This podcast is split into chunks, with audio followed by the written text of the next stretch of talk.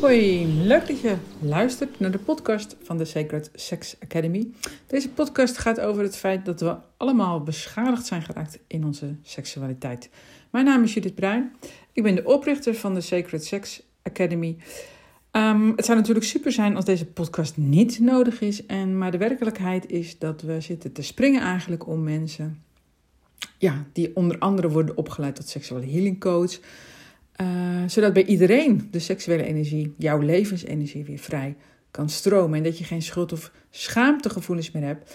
En dat je gewoon kunt genieten van je seksuele energie, waar je seks mee kunt hebben. Maar het is dezelfde energie als waarop je danst, werkt, loopt, fietst, vreugde voelt en zingeving ervaart.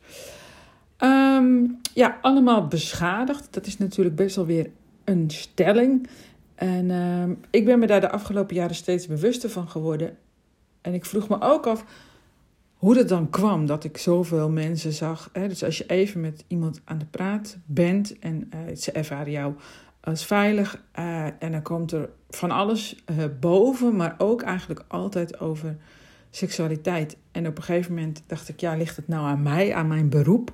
Dat ik dat allemaal ehm, zo hoor en dat ik eigenlijk, nou, nagenoeg niemand uh, die voor het eerst bij mij komt, ja, helemaal enthousiast is over seksualiteit. Er is eigenlijk altijd wel wat mee, zal ik maar zeggen.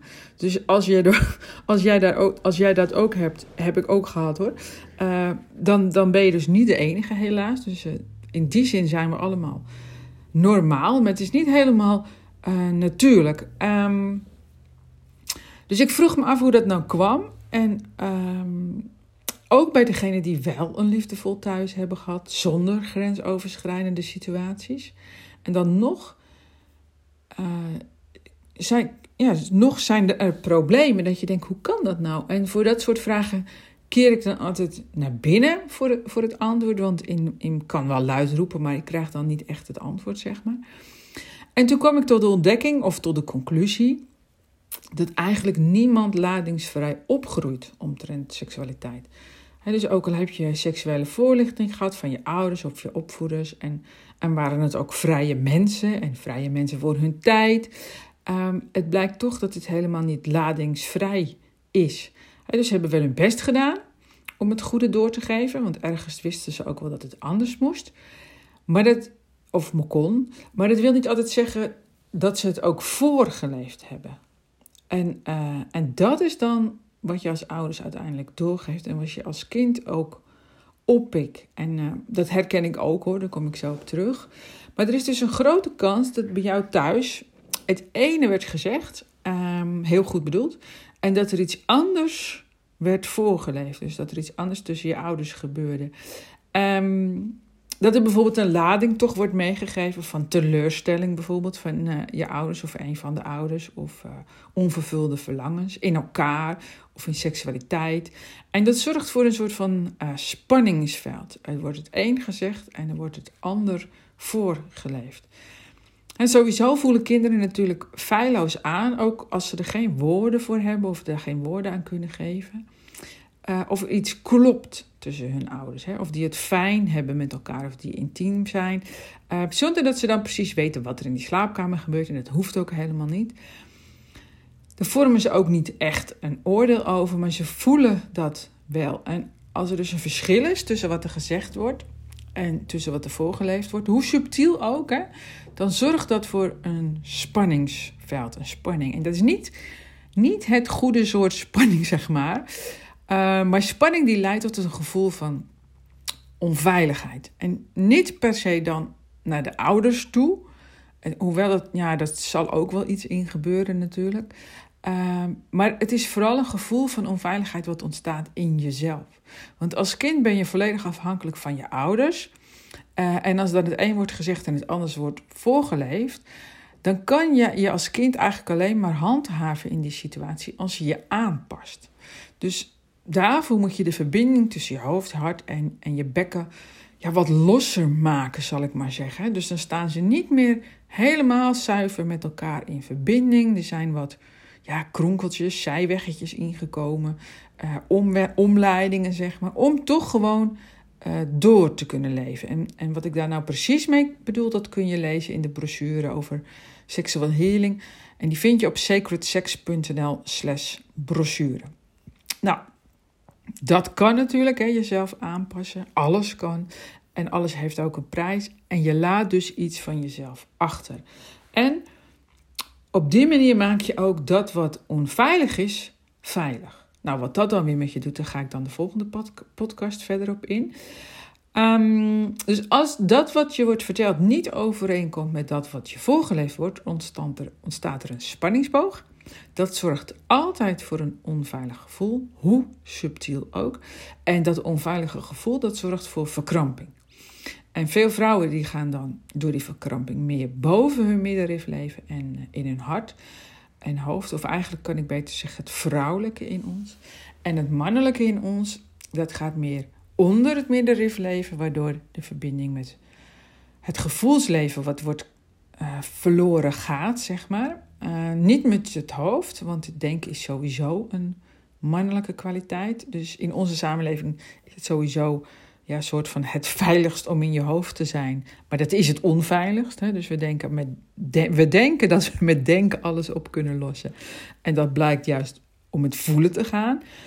Dus het lijkt veilig in je hoofd en dit is het totaal niet. En, en hoe hoger je in je hoofd zit, of hoe meer, of hoe je het ook noemen wilt, hoe minder je bewust bent van wat er in je lichaam gebeurt. En hoe meer onveilige dingen er kunnen gebeuren. Maar goed, dat was even een, uh, een, uh, een overpeinzing.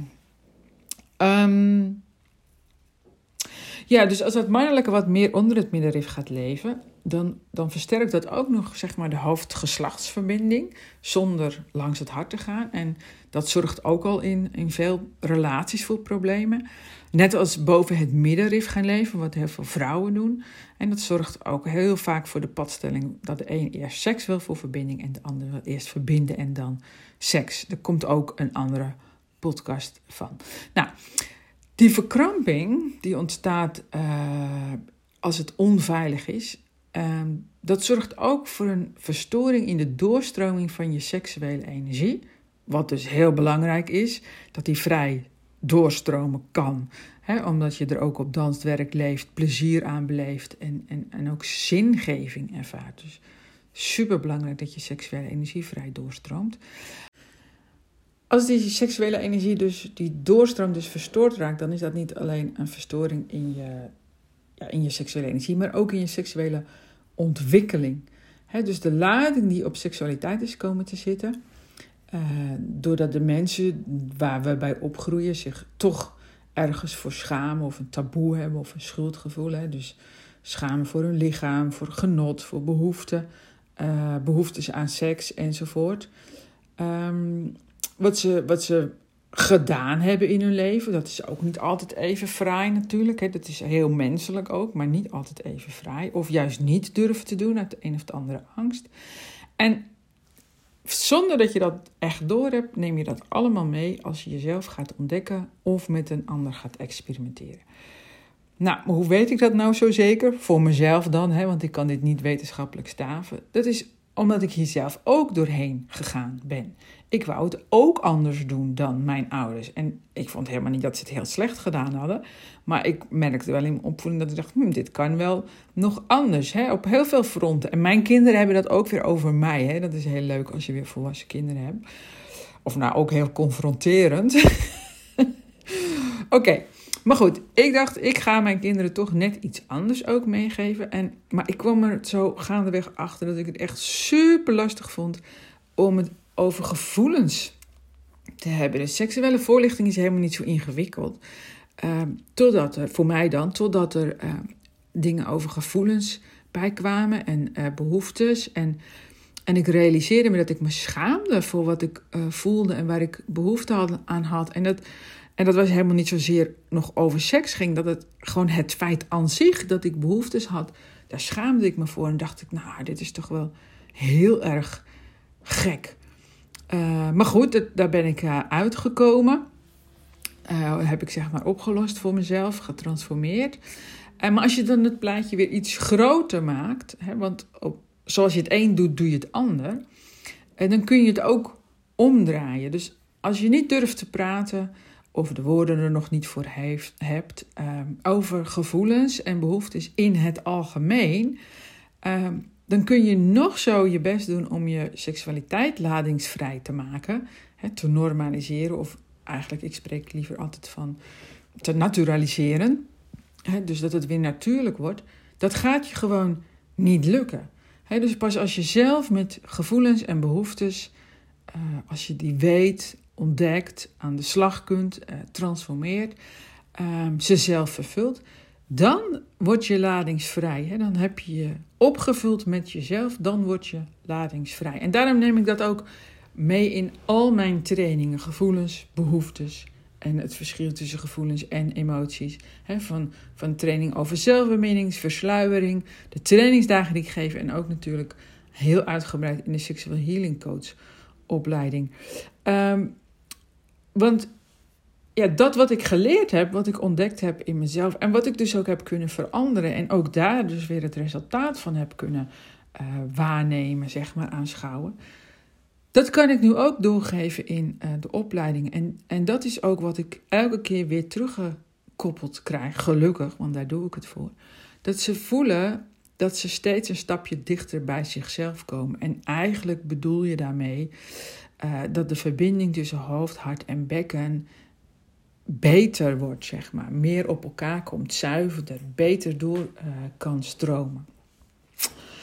Nou, dat hoop ik natuurlijk voor jou ook. Dus download vooral de, de brochure op uh, sacredsex.nl slash brochure. Dan lees je er nog veel meer over. En heb je hier nou iets aan gehad? Abonneer je dan. Hè? Dan doe je jezelf en mij een groot plezier. Want er is heel veel behoefte aan seksueel healing. Bedankt voor het luisteren. En uh, op de site, op mijn site sacredsex.nl kun je je ook nog aanmelden voor gratis webinars. Waaronder die voor seksueel healing coach worden. Bemin jezelf.